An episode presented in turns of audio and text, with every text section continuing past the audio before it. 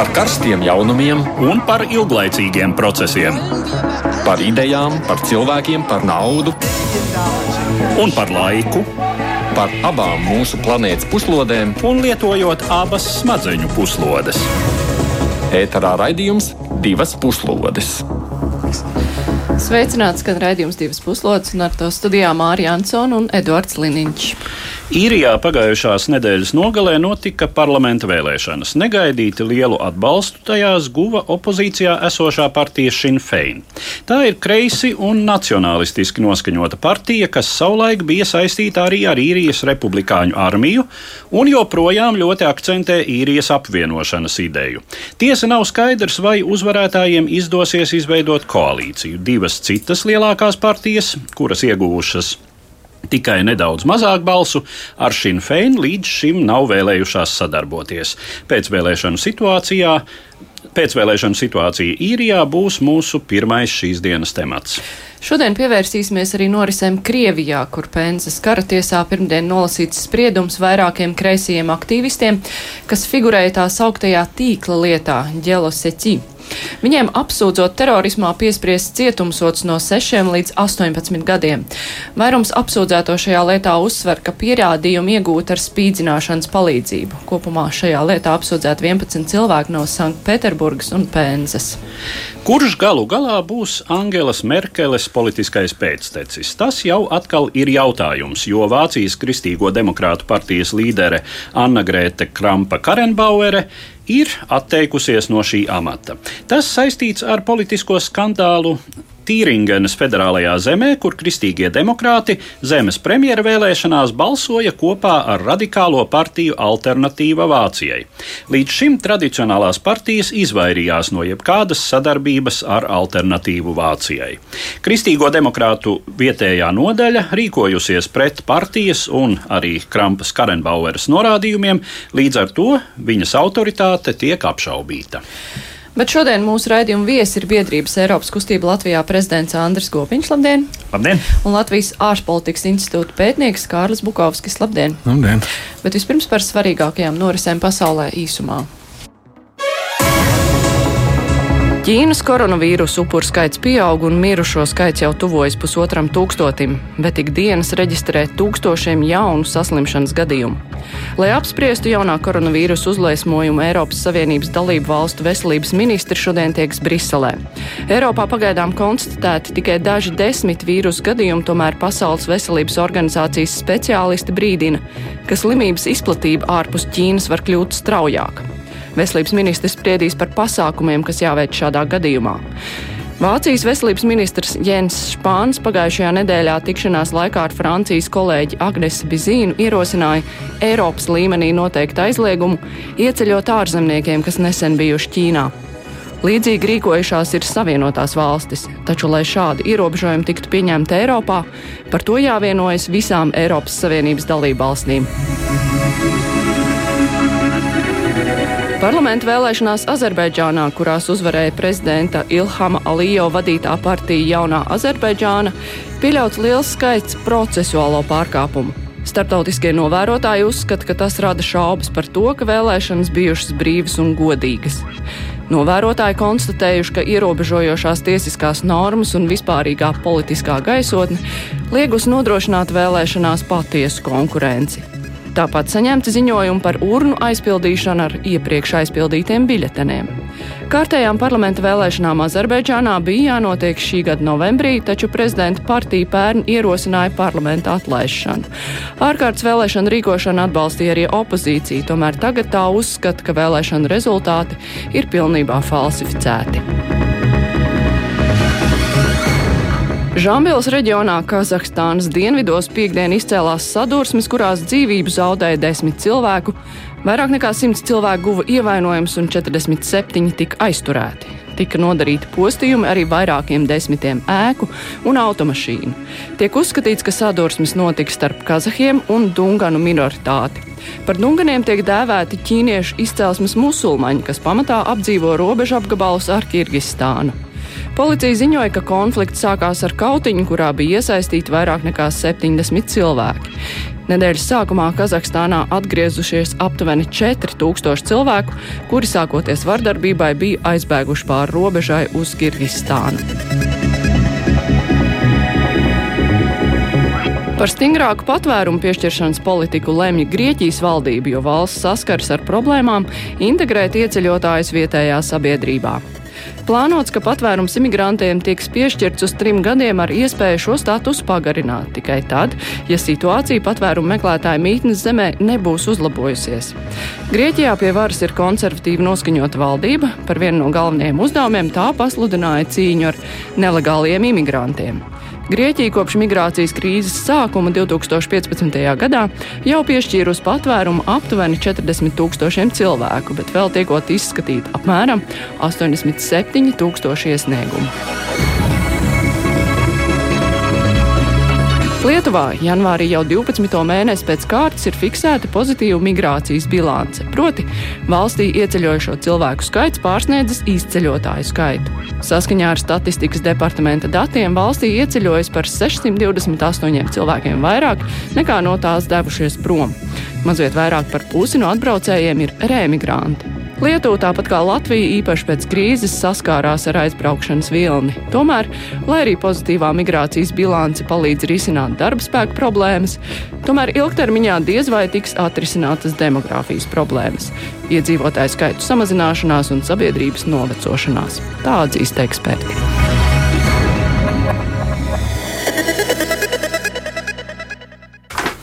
Jā, bet mēs turpinām ar sākotnēji pieteikto tematu, tātad vēlēšanas īrijā. 8. februārī notikušās īrijas republikas parlamenta vēlēšanas nesa negaidītus panākumus kreisi centriskajai opozīcijas partijai Sinn Fein. Partija saņēma 24,5% vēlētāju balsu, apsteidzot savus nozīmīgākos konkurentus - līdzšinējā premjerministra Leo Varadkara vadīto liberālu konservatīvo partiju Fīne Geila un lielāko opozīcijas partiju centrisko Fjanna Foilu.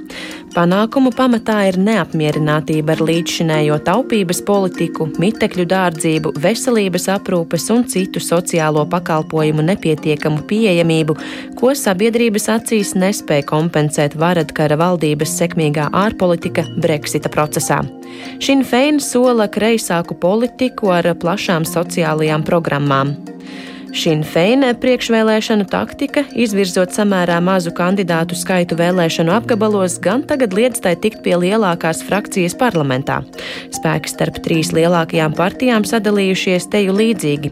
Šin Feina un Fjanna Foil iegūstot pa 37 vietām katrai, un Fīna Geila 35 vietas. Atlikušo 51 no 160 parlamenta deputātu vietām sadalījušas mazākas, lielākoties kreisas ievirzes partijas, kā arī neatkarīgie deputāti. Var piebilst, ka šīs vēlēšanas ir nozīmīgs panākums arī īrijas zaļajai partijai, kuras deputātu skaits pieaudzis no 2 līdz 12. Vēlēšanu rezultāti nozīmē, ka partija Fīne Geila vairs nevarēs veidot līdzšinējo mazākuma valdību ar neatkarīgo ministru dalību un Fjanna Foila atbalstu parlamentā. Tāpat šis vēlēšanu iznākums iezīmē beigas turpat simt gadus ilgajam laikmetam, kurā Fīne Geila un Fjanna Foila viena otru secīgi nomainīja īrijas varas virsotnē. Maz ticama gan ir Šina Feina līderes Mērijas Lū Makdonaldas piesauktā iespēja izveidot kreisu valdību ar zaļo un mazāko kreiso partiju, kā arī neatkarīgo deputātu atbalstu. Šādai koalīcijai būtu ļoti neliels un trausls vairākums. Šina Feina lielākā problēma ir tās vēsture un ideoloģija. Tā vienīgā no lielākajām īrijas republikas partijām akcentē īrijas republikas un Ziemeļīrijas sadalītības jautājumu, kas šobrīd Brexita kontekstā kļūst kļūst krietni sāsinātāks. Savulaik Šinfeina bija cieši saistīta ar īru republikāņu armiju, kaujinieku organizāciju, kas īstenoja teroristisku darbību Ziemeļīrijā un Lielbritānijā pagājušā gadsimta otrajā pusē. Fīna Geila līdz šim definējusi Šinfeina kā ekstrēmisku partiju, koalīciju, ar kuru būtu nepieņemama un, cik zināms, līdz šim nav mainījusi savu nostāju. Tas padara visai apšaubāmu trīs lielāko partiju koalīciju. Krietni pielaidīgāka šai ziņā gan ir Fjanna Foila, kuras līderis Mikāls Mārcis Mārtiņš paziņojis par gatavību jebkādai politiskajai kombinācijai. Jebkurā gadījumā tuvākajās nedēļās vai pat mēnešos tiek prognozēts spraigs sarunu cikls, kas var noslēgties arī ar atkārtotām vēlēšanām. Jā, tad kāpēc tieši šī partija uzvarēja? Skaidrs, kāpēc op, eh, bijusī koalīcija neuzvarēja, jo tur ir problēmas, bet ir taču arī citas opozīcijas partijas. Kāpēc tieši Sinn Féin? Nē, nu, arī, arī Fianna Foyle ir salīdzinoši labi rezultāti. Uh, nu, te ir jāsaka tā, ka Varadkara valdība bija mazākuma valdība, uh, un īrijas politiskā sistēma ir uh, Eh, viena no tām, kas ir ērta mazākuma valdību veidošanai, jo, lai apstiprinātu valdību, nav vajadzīgs parlamentu vairākums, pietiek ar to, ka vairākums nav pret. Nu, līdzīga situācija, piemēram, ir Zviedrijā. Eh, un, attiecīgi, eh, partijai Fianna Foyle nepiedaloties balsošanā vai atturoties, šīs līdz šim tātad Fina Geila veidotās valdības, divas pēc kārtas, un tātad pēdējā no tām Varatkara valdība arī bija pie varas. Mm, uh, ka, kabinetā bija arī vairāk neatkarīgie ministri, un attiecīgi arī neatkarīgi deputāti balsoja par šo partiju, uh, par šīm valdībām. Bet nu, jāsaka, ka šī, šie vēlēšana rezultāti dod uh, dod abām pārējām bijušajām opozīcijas partijām lielākas ambīcijas. Nu, kāpēc? Nu, tie iemesli jau arī tika nosaukti. Tā tad eh, labēja, salīdzinoši labēja politika, eh, kas nozīmē valsts taupību īrijai. Eh, lielā ekonomiskā krīze bija teju tikpat nepatīkama kā Latvijai. Tur arī pārsprāga zināms ek, uzpūsts ekonomikas burbulis. Tur bija tādi, tāds uh, īrija tika dēvēta par, uh, par uh, Eiropas mazo tīģeri, jā, nu tā tad uh, strauji ekonomisks uh, pieaugums un pēc tam krīzes laikā diezgan smags kritums. Par to samaksāja Fianna Foyle, kas pirms tam bija bijusi valdošā partija, un to nomainīja attiecīgi Fina Geila. Nu, tagad Fina Geila ir zināmā mērā izsmēlusi savu politisko potenciālu, kas saistījās no nu, ar, teiksim, ar, ar Latvijas terminos runājot, īrijas veiksmes stāstu. Nu jā, Tā tad bet, izdzīvošana pēc krīzes situācijas. Bet kāpēc vēlētājs uzrunāja tieši Finšeinu? Šinfein? Šinfein, jo, ja viņiem ir tāda pagātne, ja viņi runā jā, par jā, jā, to, par, par īrijas apvienošanas ideju, tas nu, nozīmē, ir, ir ka jau izaugusi, piedod, ir jau izaugusi jauna paudze, kas vairs neatcerās šos uh, drūmos laikus, pie kam nu, šie drūmie laiki pamatā jau skāra tomēr Ziemeļīriju. Uh, tur uh, Šinfein un tās, noteiksim, nu, uh, sadarbības vai, vai mm, ar to saistītie teroristi, ir republikāņu armija, um, veica pamatā savas teroristiskās darbības. Bet, uh, protams, uh, jā, kādu laiku šī reputācija ļoti traucēja Šinfēnu, bet nu, šī reputācija pamazām. Um, šai teroristiskajai darbībai paliekot arvien tālāk pagātnē, nu, ir, ir teiksim, izbalojusi. Tā vairs nav. Bet īrijas apvienošanās ideja nav tā, kas lika vēlētājiem balsot par to, vai arī ir, kā pārējie domā. Ui. Ui. uh, manuprāt, vēlēšanām viena dimensija, kas netika vēl uzrunāta, noteikti, kas arī nospēlēja savu lomu, ir gan šis apvienošanās faktors, gan arī tikko visas Brexit tematikas. Uh, kas, um, kas, kurš jau mēs redzējām, uh, nu, attiecīgi 13. decembrī, ja pareizi atminos, um, vēlēšanās Ziemeļīrijā apvienotā karalistē kopumā, kur uni unionisti pirmo reizi uh, iegūja uh, iegū mazākumu, respektīvi neiegūja vairākumu. Unionisti ir tie, kas, kas ir iestājas par stingru Ziemeļīrijas un apvienotās karalistes šo nu, kopējo šo sadarbību. Tātad pirmo reizi tur mēs vērojām, ka vairākumi pamainās. Tas tā skaitā ar demogrāfiju, citiem jautājumiem saistīts, kur nu, protestantiskās ģimenēs, cik es saprotu, vairāk tie bērni bija dzimuši. Un, un šādā kontekstā tātad Ziemeļīrijas apvienošanās ar uh, īri, pārējo īriju kā gribam vai negribam, viņi sāk um, arvien vairāk par, parādīties diskusijā. Un diskusijā gan ar to, ka, ka Ziemeļīrija nobalsoja par palikšana Eiropas Savienībā ar salīdzinoši skaidru vairākumu. Tātad tur jau dabīgi drusku tā, tā nu, pretestība Londonas uh, rokai un politikai iezīmējās. Tā nevēlēšanās uh, stingru robežu starp Ziemeļīriju un Īriju uzturēt. Uh, Tā kā man liekas, ka šie aspekti veidoja tādu kopējo noskaņojumu, kas noteikti ietekmē arī šīs vēlēšanas, vēl papildus visam tam, ko jau kolēģi minēja, um, nu, tur, tur ekonomikas attīstības un tā tālāk.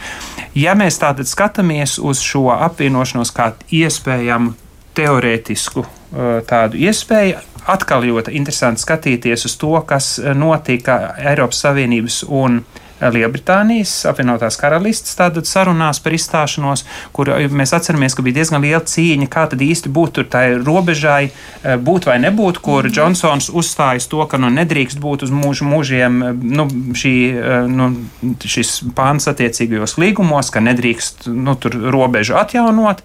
Tas Eiropas saimnībai bija svarīgs, bet pašā pēdējā mirklī Džonsons it kā vinnēja, īrija atkāpās no šīs ļoti stingrās prasības, bet īri ielobēja iekšā līgumā citu punktu, kas var būt ārkārtīgi interesants un kas saslēdzās ar visu to, ko mēs tikko runājām, proti to, ka varētu salīdzinoši drīz notikt referendums par atkal apvienošanos, ja Ziemeļīrijā šo uh, attiecīgi vēlēsies cilvēki. Tas, par ko atkal Skotija uh, cīnās šobrīd, nu, ka būtu atkārtots referendums tātad par izstāšanos no apvienotās karalists, tur pilnīgi legāli. Uh, tātad šajā izstāšanās uh, līgumā šis ir, ir ietverts kā viens punkts, kas, gribam vai negribam, noteikti ietekmēs kopējo diskusiju. Referendums ar lemtspēju, nevis rekomendējošs. Uh, Tur būtu jāapskatās vēlreiz dokumentos, bet, nu, ja, cik es saprotu, nu, ja jau viņš referendums kā tāds tiek pieļauts e, šajos līgumos, tad tam būtu gana liels spēks un, Bet, un reāli būtu grūti vien jā, to neiztenot, ziņā, ja tā nenobalstot cilvēki. E, katrā ziņā Šin Fein savā laikā, kad bija runa par Brexit referendumu, uzstāja, ka Ziemeļīrijā ir jābūt um, saistošam referendumam atsevišķi no pārējās Lielbritānijas, respektīvi no Anglijas un Skotijas. Bet tas nozīmē, ka īrijas apvienošanās eh, ideja ir diezgan reāla. Jā, protams, eh, Ziemeļīrijā notiek šis referendums. Mhm. Es domāju, ka šobrīd, uz doto brīdi, tikai uzreiz pēc vienām vēlēšanām, kur absolūti mēs neredzam to, ka nu, te ir runa par 25% vēlētāju atbalstu, nevis par 55% un, un vairāk. Līdz ar to teikt par to, ka nu, mums īrijas apvienošanās ir gaidām tuvāko pāris gadu laikā, es domāju, ir daudz par agru, jo nu, ņemsim vērā tomēr, ka viena lieta ir potenciāls referendums, vispār viņa sākšana organizēt, otra ir viņa notikšana, trešais ir viņa rezultāts, ceturtais ir viņa leģitimizēšana, piektais ir, kā rīkojās politiķi pēc tam, sastais ir starptautiskās tiesības, kas vispār ir kādā veidā šīs vienošanās panā. Jo šī gadījumā, ņemot vērā to, ka Ziemeļa ir bijusi uh, daļa no Lielbritānijas, uh, no apvienotās karalistes jau ļoti, ļoti, ļoti ļoti daudzus gadus, un tā viņi ir gan infrastruktūras ziņā, gan, gan, gan, gan politiski, un finansiāli un institucionāli un integrēta ļoti cieši, arī ņemot vērā tieši to, ka šī ir bijusi tā nepakļāvīgākā daļa varbūt tās. Tad rezultātā, protams, ka veidojās tā situācija, ka nu, Lielbritānija nedomāja, ka tā vienkārši ļaus tam notikties un, un pateiks, jā, jā, īrija, lūdzu, paņemiet vēl vienu daļu. Nu, viņi to nekad nav ļāvuši, un es domāju, ka tur ir pietiekami daudz argumentu un instrumentu, lai ietekmētu, kā tas process notiktos. Mēs tomēr runājam par divām valstīm, no kurām ir viena ļoti izteikti maza, un otra ir izteikti liela. Nu, viņa varbūt nav pat lielākā valsts pasaulē, bet arī pašā laikā viņa ir, ir, ir, ir kodola valsts, viņa ir NATO valsts, viņa ir ar pietiekamu pozicionēšanos pasaulē. Tā kā, lai šajā gadījumā viņai, viņai diplomātisko instrumentu, šajā gadījumā apvienotā karalistē diplomātisko instrumentu un spiedienu uz, arī uz citām valstīm, kas potenciāli varētu atbalstīt šo apvienošanos, ir pietiekami pietiekami daudz. Tad viņi varēja atļauties ielikt līgumā šādu nosacījumu, ka referendums ir jārīko. Jā, būs var tāda vēlme. Var tikt rīkots, ja ir tāda vēlme. Jā. Bet šķiet, ka tas, tas ir paredzēts arī tā sauktajā um, lielās piekdienas vienošanās. Tik skaidri. Uh, Ne, man- nu, būtu jāpārbauda. Neesmu- Ne, būtu jāpārlasa, bet. Jā. manuprāt, šāda iespējamība ir pastāvējusi arī līdz šim. Un galvenā problēma varbūt pat nav tik daudz Londonas ambīcijas, bet Ziemeļīrijas unionisti, kuru tur joprojām ir pietiekami daudz, kuri tāpat ir pietiekami apņēmīgi. Ir bijuši pagātnē gatavi uz radikālu rīcību, nebūt ne mazāk kā ir republikāņi, tāpat ir nodarbojušies ar teroristiskiem uzbrukumiem. Uh, un, uh, tas, no kā visi, protams, baidās, ir jebkāda šāda veida satricinājumi. Tāpēc arī uh, teiksim, īrijas republikas politikā vispār, nu, kopš īrijas neatkarības iegūšanas, protams, vispārīgā līmenī pastāv uh, tēze, ka jā, īrijas salai ir jābūt pēc iespējas vienotai. Uh, Ziemeļīrijas uh, deputātiem um, ir īpašs īpaš status. Viņi, piemēram, drīkst uzstāties debatēs īrijas republikas parlamentā un tā tālāk. Un tā tālāk. Bet kādi konkrēti soļi vienmēr ir bijuši ārkārtīgi uzmanīgi šai virzienā. Un es domāju, ne tik daudz baidoties no Lielbritānijas, cik baidoties no tā, lai tur atkal nesāk kaut kas vārīties Ziemeļīrijā. Nu jā, bet ja mēs paskatāmies vēlēšanu rezultātiem no otras puses, ja ir. Um, nu, Tā, tas protests vairāk par tādām sociālām lietām. Tā ir veselības aprūpe, ves, medicīnas pieejamība, tas ir, tas ir mājokļu jautājums. Vai īrijā ir tendence vainot uh, daudzos iebraucējus, tā kā tas bija pirms Brexit Lielbritānijā? Tas gan it kā katrā ziņā šo vēlēšanu kontekstā tas nav Tas dzirdēts. neparādās. Jā. Nu, ko nozīmē, ko mēs saprotam ar daudziem iebraucējiem? Uh, Nu, ne, Tajā skaitā no Latvijas. jā, nu tad jājautā, vai, vai, vai tiek vainot iebraucēji no Austrum Eiropas. Um, nav nekas tāds dzirdēts. Vismaz ne, nu, īrijā katrā ziņā nav neviena politiskā spēka uh, parlamentā, kurš uzstātos ar kaut ko tādu, cik man zināms. Vienmēr cikot pret Eiropas Savienības noskaņu, tur nav nekādu. Nē, nu, tā kā pilnīgi nekādu No, nav. es tādu noteikti teikt, bet, nu, izteiksmīgi Un pietiekami. tieši tāpat kā mēs nevaram teikt, ka nav ksenofobijas un pret migrantiem vērstas uh, grupas un indivīdi īrijā, tas, protams, ka ir un tas ir, nu, tā ir, tā ir parādība, kas ir eksistē jebkurā sabiedrībā. Bet te ir, te ir stāsts par to, ka nu, īrija vienmēr ir bijusi daudz pro-eiropeiskākā par Eiropas integrāciju. Viņi ir Eirozonas daļa, viņi, viņas pozīcija vienmēr ir bijusi, un viņi ļoti labi apzinās, cik daudz viņi ir ieguvuši no dalības Eiropas Savienībā. Viņi galu galā tiek arī uzskatīts viens no paraugu piemēriem to, kāpēc Eiropas integrācija darbojās, jo īrija no salīdzinoši tajā brīdī vēl agrāras valsts ir principā kļuvusi par vienu no uh, bagātākajām valstīm, kas ir Eiropas Savienībā un attiecīgi arī pasaulē.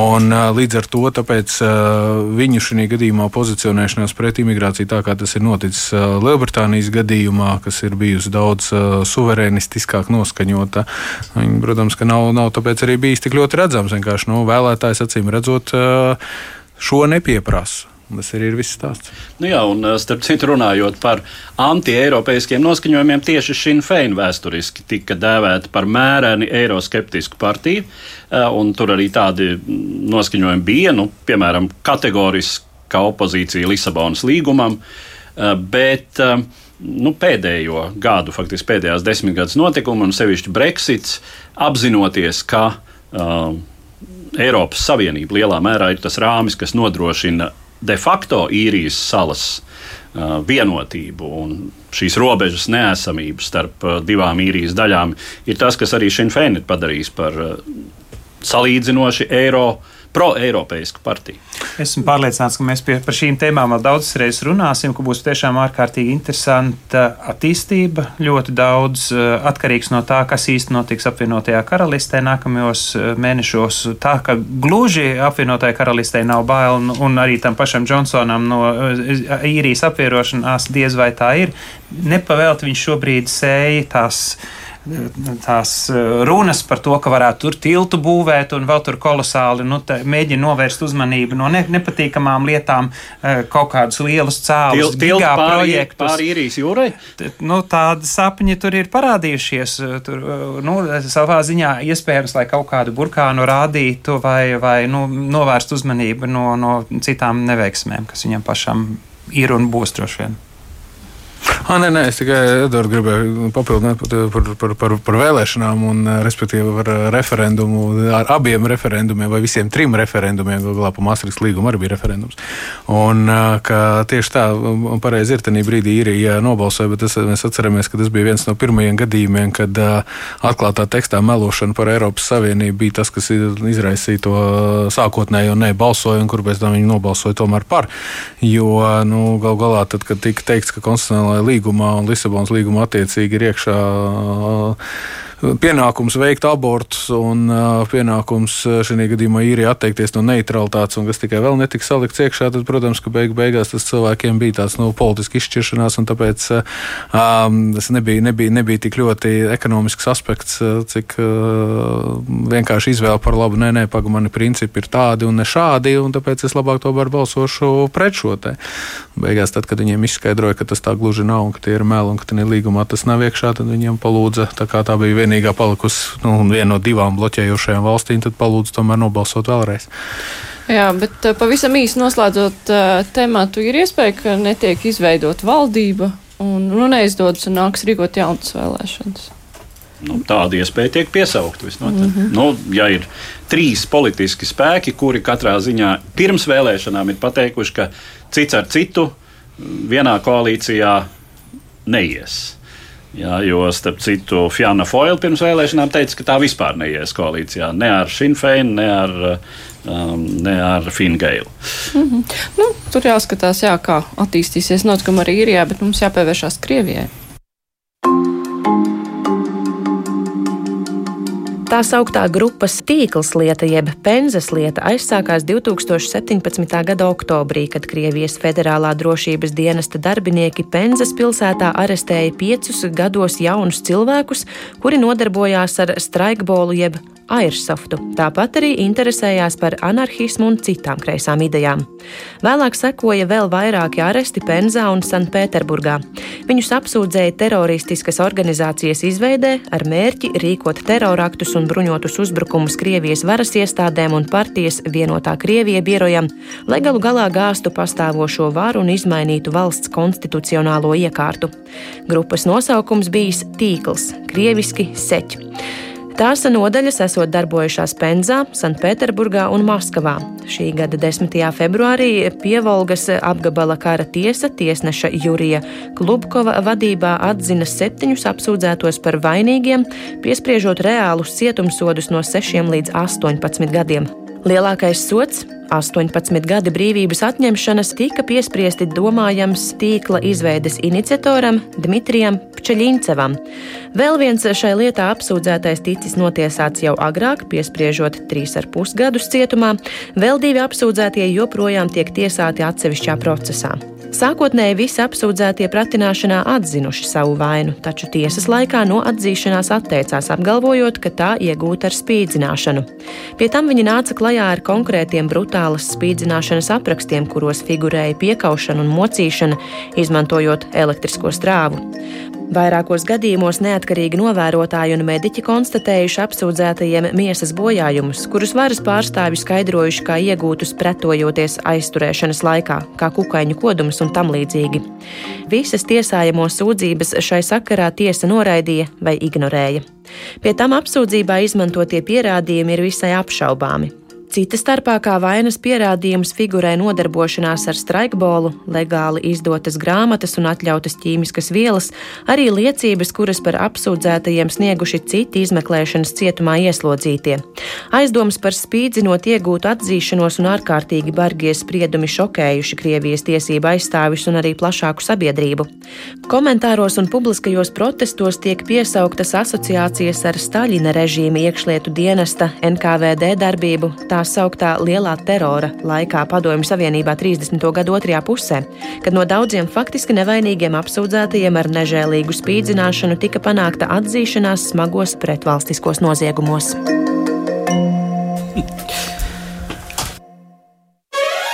Divas puslodes! Jā, tātad, kas ir šie 11 cilvēki? Kāpēc tieši viņi? Tāpēc, kā antifašisti vai anarchisti, nu kā Krievijā Jā. dažādos avotos viņi tiek raksturoti, jo nu, tur ir studenti, kāds programmētājs, bet kāpēc tieši viņi un Jā. kā viņi ir saistīti? Nu, tur tā lieta, ka īsti nav skaidrs, kas viņi ir. Ja viņi būtu darbojušies kādā politiskā partijā vai kustībā, jā, ja viņi būtu ar kādiem nopietniem biznesa sakariem, nu tad tā, runājot būtiski, politiski, mēs varētu atbildēt uz jautājumu, kas viņi ir. Tagad patiešām izskatās, ka viņi, nu, ja mēs pieņemam, ka Krievijas Federālais drošības dienests saka patiesību, nu, tad viņi ir tiešām aizrautīgi. Aizrautīgi teroristi, kas ir salasījušies pie tam klasiskus uh, darbus, proti, an anarchisma klasiku, lasījuši Bakuņinu, uh, lasījuši Tolstoju, uh, Ļevu Tolstoju, un tur atraduši un lasījuši Marksu, un tad no tā sasmēlušies iedvesmu, lai iedomātos, ka viņi tagad rīkosies nu, tā kā 19. gadsimta uh, krievu narodņiki. Uh, vai, vai kādi citi, ja metīs bumbas, tā sacīt, cara ekipāžai pa ceļam un, un tam līdzīgi. Nu, kaut kas tāds, kas vispār izskatās diezgan nu, tā beletristiski, maigi izsakoties. Bet, Bet tādā gadījumā, kādēļ Krievijas varas iestādēm ir vajadzīga šī lieta? Nu, tas, ir, tas ir tas labākais jautājums. Kādēļ varētu būt vajadzīga? Uh, un, uh, nu, tur ir uh, faktiski arī vairākas, varbūt vienas versijas, vairākas nianses. Tas, kas, starp citu, Krievijas sociālos tīklos un sabiedrībā izskan, ir vēlās zvaigznītes uz uzplečiem. Kā kāds šai penzas salīdzinoši nomaļajā, tā sacīt, federālā drošības dienesta nodaļā ir saskatījis iespēju uh, Um, vai nu kāda informācija ir cirkulējusi, vai kā, bet nu, šādi izpelnīties priekšniecības uzmanību. Uh, un uh, tā sacīt, uh, tikt pie teroristiskas organizācijas atklājēja godu, un tad jau pēc tam iedarbojas institucionālā inerce. Kad jautājums jau ir vai nu zvaigznīte uz uzplečiem, vai pamatīgs pleķis uz mundiera. Nu, savā laikā, kad šis medūza žurnālists tika aizturēts, kuram tika piemesta narkotikas, toreiz iekšlietu iestādes atzina, viņi palaida toreiz un tā kā ļāvās kapitulēt un e, toreiz arī, laikam, kādu sodīja. Bet, nu labi, mēs šobrīd esam e, sazvanījuši Latvi e, Krievijā dzīvojošo latvieti Andri Lielo, kurš klausās mūsu sarunu šobrīd. Halo! Jā, labdien! Jā, kā Krievijā vispār uztver šo lietu, cik daudz par to var dzirdēt uh, cilvēki, kuri varbūt nesēž daudz sociālajos tīklos, varbūt nelasa internetā uh, kaut kādus uh, opozīciju atbalstošus, atbalstošus saitus, bet, piemēram, patērē parastos Krievijas televīzijas kanāls un raidstacijas? Nē, nu, sabiedriskās televīzijas kanālos ir absolūts klusums.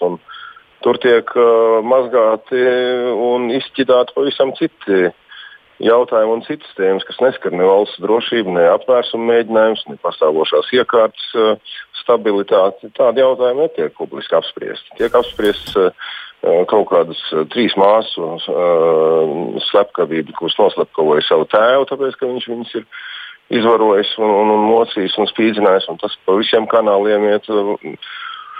Un vēl visādi teiksim, nu, ģimeniski krimināli noziegumi. Bet šīs, šī sabiedriski svarīgā diskusija nenotiek. Bet kur notiek diskusija? Vai nu, tā, cik ir izdevies runāt ar cilvēkiem, kas. Nu, vai cilvēkus tas interesē, vai viņi ir dzirdējuši, tā ir lieta, ko apspriež virtuvēs kaut vai? Nu, virtuvēs vairs neapspriež. Apspriež, mm, kā jau jūs teicāt, sociālajos tīklos. Tur gan ir jā, apspriešana. Un, un, un, un, un tur var just tādu bezcerību. Un, un, un, un, uh, redzēsim, 15. datumā ir šeit Maskavā. Būs varbūt uh, kāds mītīņš, un cilvēki izies un redzēs, uh, uh, cik daudz salasīsies. Un, uh, cik uh, plaša rezonance būs. Bet, manuprāt, tas ir tāds um, pareizi teicis iepriekšējais spīkers, ka tas ir tāds nu, pārcentību uz, uz vietām, teiksim, tas tā varētu būt. Un tagad tikai īsti pēc kasācijas būs galīgais kaut kāds spriedums, un tas arī vēl nav galīgais spriedums. Atcerēsimies, teiksim, 20 gadus cietumā Oļegam Sencovam, kurš gan arī gadu badu streiku pieteica, no, nosēdēja un kurš tomēr tika atlaists. Atcerēsimies, mm, Khadarkovski, kurš arī desmit gadus nosēdēja un, un arī tika pirms Olimpiskajām spēlēm atlaists. Un Bet tās bija ļoti jau... starptautisku rezonanci guvušas lietas. Šī lieta ir kaut kā klusāk izskanējusi aiz nu, robežām. Jā, viņi sāk uzņemt apgriezienus, tas, tas troksnis, teiksim, tāpēc, ka nu, tie spriedumi ir uh, absolūti neadekvāti. Teiksim, tam, nu, tam nozieguma sastāvam. Jo nozieguma sastāvs jau nav noziegums, bet tikai nu, kaut kāds teiksim, plānošana vai, vai, vai nodomi vai, vai, vai protests pret, pret iekārtu. Bet, bet tas jau nekas nav noticis. Nav nezinu, tie, tās pāris um, bises, kas tur ir atrastas, vai, vai narkotikas, kas ir. Nu, to mēs zinām. Jūs te paši teicāt, ka Golunova lietā pieci uh, tika atstāti no, no lietas. Un, un pierādītu milicijas vainu. Bet tad šajā gadījumā arī ir cerība, ka tomēr eh, šī lieta tiks iedarbināta atpakaļ gaitā un kādam lidos uz pleči. Jā, protams, tāpēc, ka tagad tā ir kara kolēģija, kas tur uh, sēž, ir pa pusē aizklāta. Nevar saprast, cik tas viss ir patiesībā, un kas tā ir par organizāciju, kā jūs teicāt, vai ne. Um, kādi tur ir mērķi un, un, un ko viņi ir izdarījuši. Viss, kas tur ir pierādījumā, ir kaut kāds video, kur viņi skraida pa mežu un, un, un šaudās ar, ar, strai, ar straikbolu. Nu, tas viss ir aizdomīgi, bet tā lieta ir puse ir noslep, noslepenota, tāpēc ka tas skar valsts drošības un terorisms. Uh, nu, redzēsim. Es esmu šajā ziņā diezgan optimistisks. Jo katrā gadījumā kasācijas un, un, un, un pārsūdzēšanas būs, vai ne? Un, un, un noteikti, ka sodi tiks mīkstināti, un es domāju, ka viņi neatsēdēs visus tos laikus, kas tagad ir. Tas ir tāds uh, vienkārši nu, lielais zvans, un tagad sāksies cīņa. Tas ir tāds aicinājums uz diskusiju. Un, nu, redzēsim, cik izdosies tiesību sargājošām iestādēm un arī sabiedriskajai domai visu to labot. Jā, paldies, Andris Lielais, eh, Maskavā dzīvojošs latvietis. Tas, ko es jau pieminēju, ka rezonance aiz robežām nav liela, un vienbrīd man iešāvās prātā slikta doma, ka, ah, nu, Pret Krieviju jau ir vērstas eh, visādas sankcijas, eh, gan saistībā ar karu Ukrainā. Magnitska saraksts ir iedarbināts visdažādākajos veidos. Nu, tas tiek kaut kā pieņemts, bet tajā pašā laikā, nu, Kā vēl iedarboties uz Krieviju? Varbūt tur iekšēji teica sajūta, ka nu, jūs jau visu esat pret mums izmēģinājuši, mēs tagad varam darīt, ko gribam. Tajā skaitā arī vēršoties pret saviem iedzīvotājiem, lai pārāk nelecās uh, savās, nezinu, ne, ne, nav vēlēšanās protestēt pārāk. Mm plaši par šo gadījumu nezinu, bet man liekas, ka tas būtu ideālais un klasiskais Eiropas cilvēktiesību tiesai, Eiropas padomē, tātad nu, nevis Eiropas Savienības institūcijā, bet šie, šai Eiropas padomē, kurā arī Krievija kaunpilnā kārtā tika atkal uzņemta. Man liekas, ka mm, iespējams pat tur kaut kādu nedaudz saikni varētu sastatīt, ja ļoti gribētu, jo uzņemot Krieviju, kas pārkāpj un spārda jebkuras eh, nu, nu, šīs Eiropas padomas vērtības, uzņemot viņu atpakaļ organizācijā eh, kā, kā šīs parlamentāros visos veidojumos un, un tam līdzīgi. Tas jau savā ziņā ir mūsu pašu rietumu Eiropas valstu kapitulācija. Nu, ja, ja šādu valstu, kur, vis, kur neviens nešaubās, ka tiek spārdītas uh, tiesības ar, ar kājām, uzņem atpakaļ organizācijā, vai viņi tagad tur vērsīsies, nevērsīsies, attiecīgie šie cilvēki arī Eiropas cilvēktiesības tiesā, vai, vai Krievijai tas vispārīgi interesēs, vai viņi šīs, šīs, šos iespējamos um, spriedumus ievēros, un tā ir pilnīgi cita tēma. Nu, jā. Man liekas, ka Rietuma Eiropa būtu varējusi konsekventāk pati rīkojoties, nu, vismaz nedaudz mazināt Krievijas varas pārstāvju vēlmi ša, nu, rīkoties antidemokrātiski. Nezinu, vai šis ir tas gadījums, kas ir tagad nu, klājā antidemokrātisks, bet tas, kas izskanēja, ska, nu, likās augsti dīvaini. Jā, nu, ir. Tas ir jautājums, un droši vien šī lieta būs diezgan indikatīva šai ziņā.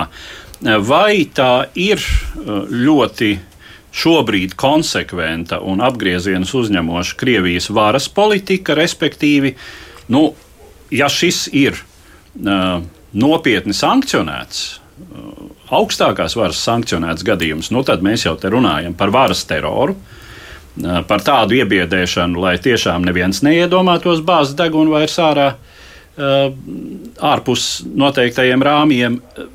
Nu, ja tas ir, teiksim, tomēr tā sacīt, vietējās varas pārcentības gadījums, protams, darbojoties tā sacīt vispārējā politiskās atmosfēras ietvarā, eh, tad eh, šo konkrēto cilvēku cerības ir eh, krietni lielākas, jo nu, nav jau tā, ka Krievijai būtu ļoti patīkami, ka kaut kādu tur provinces FSBšņiku dēļ viņas pārstāvjiem būs jātaisnojas kaut vai tai pašā Eiropas padomē, kur viņi nu pat ir sacīt, atgriezti. Atgriezti apritē, izslēgti jau Krievija nekad nav bijusi. Viņa tikai bija atstādināta no dalības pastāvīgajā um, tātad, parlamentu pārstāvju darbā. Nu, viņi tagad tur ir atpakaļ, un tad nu, no, no šīs tribīnes un šajā tribīnē viņiem nāktos taisnoties.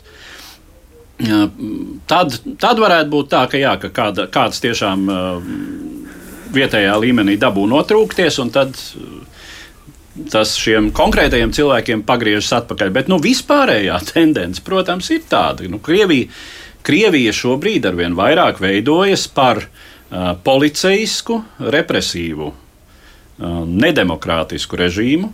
Uh, un, uh, to jau parādīja tomēr uh, šie, šie notikumi ar protestiem pēc pašvaldību vēlēšanām pirmām kārtām Maskavā. Uh, jā, kur jau arī bija nebūtu neadekvāti spriedumi. Tā sacīt, tur gadi par, par mešanu policistam ar kaut kādu atkritumu urnu un kaut ko tam līdzīgu. Nu jā, un ir jau arī lietas par to, ka cilvēki Facebookā ir pārsūtījuši kaut kādas ziņas, un pēc tam viņiem arī piesien lietas. Bukaus kungs ir ko piebilst vēl, vai mēs varam ķerties pie Vācijas? Mums laika galīgi nav daudz.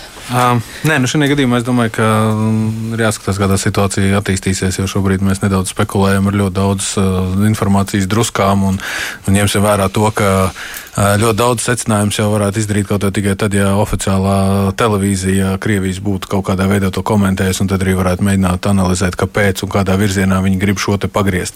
Tā, ņemot vērā, ka viņi par šo jautājumu šobrīd ir klusējuši, tad ir aizdoms par to, ka viņi paši līdz galam nav tikuši skaidrībā, vai tas ir labi pareizi, nav labi, nav pareizi. Un te ir jautājums arī par to, kā sabiedrības to reaģēs un kas būs tie, kas reaģēs uz, uz, uz, uz, uz šiem protestiem. Tas jau var būt arī savu veidu provokācija pret uh, potenciālajām uh, citām līdzīgām nepakļāvīgajām šūniņām arī. Jā, nu skatīsimies, kā attīstās situācija, bet uh, tagad mums jāķers pie Vācijas. Kopš pirmdienas bažīgas intonācijas atkal saklausāmas Vācijas un līdz ar to arī visas Eiropas Savienības politiskās nākotnes sakarā. Vācu kristīgo demokrātu līdere un pašreizējā Vācijas aizsardzības ministre Anne Grēte Krampa Karenbauere paziņojusi, ka atkāpsies no partijas vadītāja amata līdz ar decembrī paredzēto partijas kongresu un attiecīgi nekandidēs uz Vācijas kanclera posteni pēc nākamajām vēlēšanām 2021. gada oktobrī. Tādējādi neīstenosies ilgadējās kancleres Angelas Merkeles plāns sagādāt Vācijai sava amata turpinātāju, kas visādā ziņā līdzinātos prominentajai priekšgājējai. Tas radīs manāmu nervozitāti politiskajā vidē, sevišķi ievērojot Krampas Karenbaueres atteikšanās apstākļus. Konkrētais iemesls bija Tīringenes federālās zemes valdības apstiprināšana pagājušo trešdienu, 6. februārī. Tā vietā, lai atbalstītu sociāldemokrātu un citu kreiso partiju mazākuma valdību, Tīringenes kristīgo demokrātu frakcija bloķējās ar radikālu labējo partiju Alternatīva Vācijai jeb AFD, ievēlot par federālās zemes valdības galvu nelielās centriski labējās brīvo demokrātu partijas pārstāvi mazpazīstamo politiķi Tomasu Kemmerihu. Līdz ar to Merkeles un Krampas Karenbaueres partijas biedri pārkāpa partijas vadības noteikto tabū nekādos apstākļos nesadarboties ar alternatīvu Vācijai, kuru daudz uzlūko par neofašistisku spēku.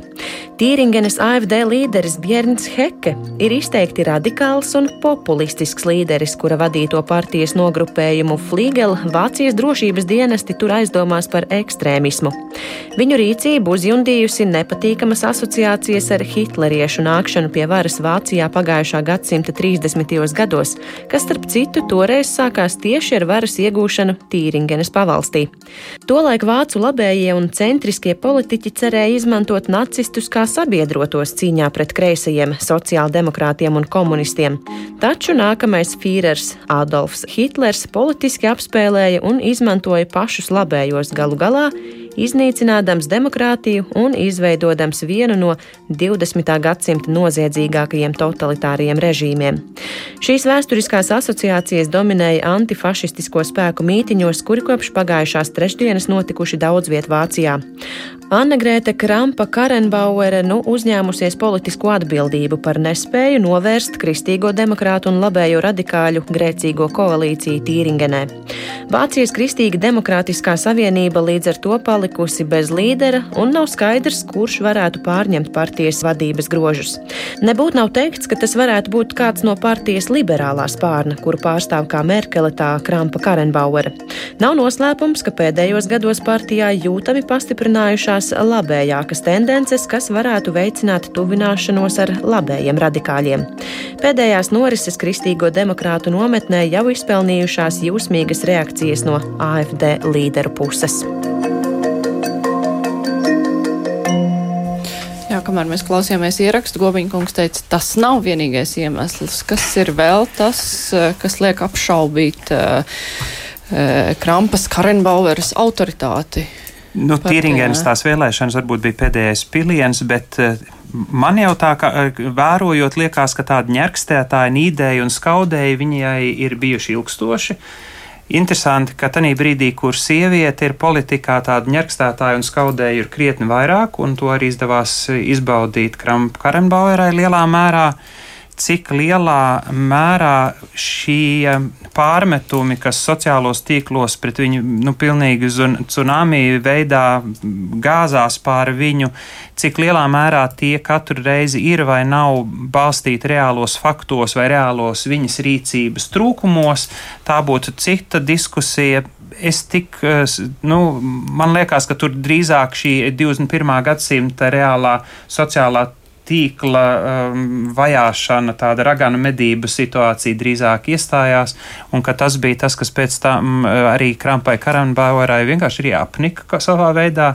Varbūt arī cilvēcīgi nospēlēja savu lomu, jo tā apkāpšanās bija tāda salīdzinoši strauja, neinformējot iepriekšējā dienā notikušos viceprezidentu, nu, partijas uh, vicepriekšsēžus un, un tam līdzīgi. Tā kā man liekas, te mēs drīzāk skatāmies nu, uz, uz citiem plašākiem aspektiem, ne tik dikti pašas Karenbauers uh, veiksmes. Nu, bet bet Merkel, Merkelē tāpat ir autoritāte joprojām, tieši un tā. arī viņai pēdējo gadījumu izdevās ka vērst pa labu. Nu, skatoties tieši uz, uz, uz Merkeli, daudz arī kritika izskan pret Merkeli, ka viņa nav ļāvusi jaunai partijas priekšsēdē izpausties, ka nu, īsnībā, ka, ka paturot vai kā pat arī nelabvēji saka, turoties dzelžaini pie kanclēras amata, nevis nododot arī nu, gludā veidā šo gan partijas eh, vadītājas līderis uh, amatu un arī kanclers amatu. Uh, Krampai Karambaurai viņa pati ir izgāzusi īstenībā savu sapņu. Nu, Mantinieci, ja tā to drīkst nosaukt. Ja. Merkele visā ik pa laikam pavīd, kaut ko dara, kaut ko nes, nedara.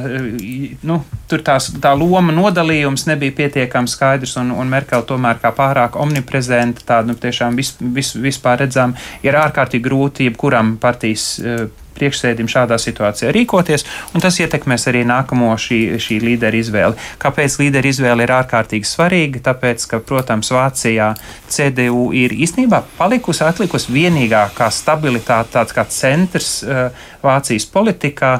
um, centrs vistiešākā nozīmē, jo viņi jau no tādas salīdzinoši konservatīvas partijas ar Merkeles uh, ilgstošo politiku ir ļoti centriska kļuvusi.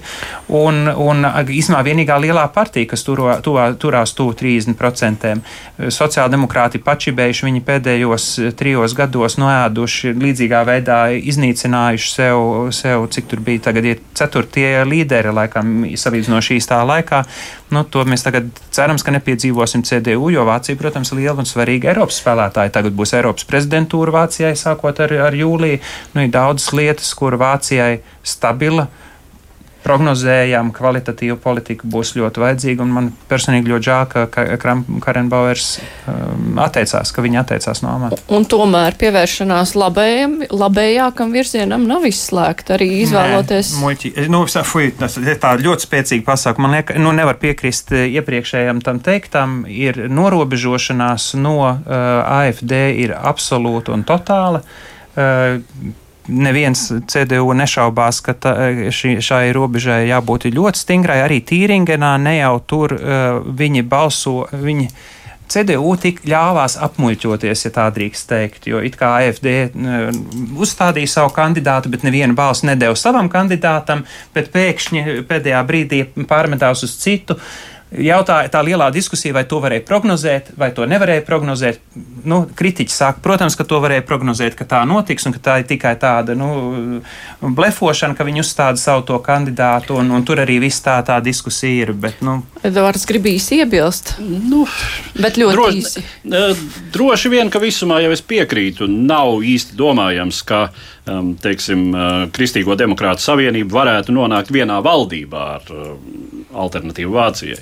Bet eh, nu, šāda konkrēta, labi, apmuļķošana, neapmuļķošana, bet eh, acīm redzot, tā līnija nav pietiekami plata un pietiekami sarkana, lai konkrētos gadījumos otršķirīgā politiskā skatuvē, kas ir pašvaldības, kas ir federālā zemju līmenis, kaut kas tāds arī notiktu. Nē, es vienkārši savā veidā. Laikā, Skatu, skatoties, kas šajā situācijā, kā, tā, kā tas process ar nākamo līderi, Vācijas līderi meklē nu, nu, div, divas domas. Viens, ka, protams, nu, tās ir milzīgas kurpes, kurās nākamajām būtu jāiekāpj. Nu, Angela Merkel ir, ir bijusi ļoti redzama politiķa un ļoti, ļoti ilgu laiku. Un otrs, ka savā veidā šis jau sāk atgādināt tādu Amerikas demokrātu atlasi, kurš tad būs tad Trumpam stāsies pretī. Vai arī kaut kur pat ķecerīgi runājot, pat varbūt tas arī ar Krieviju, nu, kurš tad būs tas Putina priemnieks. Šeit ir nedaudz, nedaudz nedaudz tie elementi sāk parādīt, ka tomēr nu, dodam publiskai diskusijai, paskatīties, iedodam vienu kandidātu, redzam, kāda būs, kāda būs popularitāte, aizies, neaizies, kuras tēmas aizies, kuras neaizies. Gan savā veidā tādā vācu, vācu stilā, bet, protams, ievērojot visas demokrātiskās procedūras un tā kā publiskās diskusijas par procesu, mēs varam kaut kur arī saudabīgas līdzības un visai redzēt.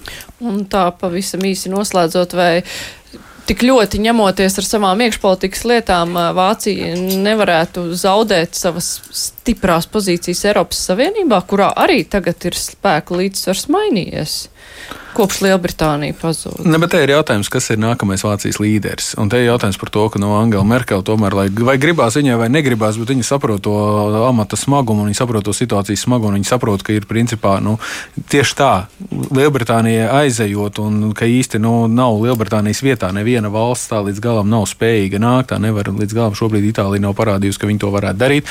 Polija ir ieņēmusi nedaudz uh, citādāku iekšējās opozīcijas uh, situāciju un stāju Un Francija. Tā, Francija šajā gadījumā Vācijas, Francijas uh, dzinējs vienmēr ir bijis tas, bet nu, ņemsim vērā, ka Vācijas, Francijas attiecībās vienmēr ir bijuši kāds balansējošais faktors. Lielākajā daļā gadījumā tā ir bijusi tomēr Lielbritānija. Un tāpēc šajā gadījumā tas uh, jautājums par to, kā šis dzinējs, uh, par ko mēs vienmēr esam runājuši, Eiropas Savienības integrācijas dzinējs, Vācija un Francijas sadarbība, kā viņa notiksies tālāk. Un vai, tā, vai Vācijai būs jābūt tik lielā lomā tam nākamajam līderim, kā ir bijusi Merkel, vai arī tomēr ir jāņem vērā arī to, ka varbūt tas jādod Francijai iespēja nedaudz paspēlēt to pirmo violu daudz redzamāk nekā līdz šim. Vēlēt, tad jūs gribējāt vēl reklamēt savu raidījumu. Jā, bet mums vairs nav laika reklamēt raidījumu, bet mēs noteikti pareklamēsim nākamo otrdienu. Nākamā otrdiena, pulkstens 12.30, diplomātiskās pusdienas, ārpolitikas institūts kopā ar Latvijas radio. Lieliski. Studijā šodien bija Andris Gobiņš, Kārlis Bukovskis, arī es Mārija Ansona un, protams, Edvards Liniņš, un tas bija raidījums divas puslodes. Vislabāk! Divas puslodes!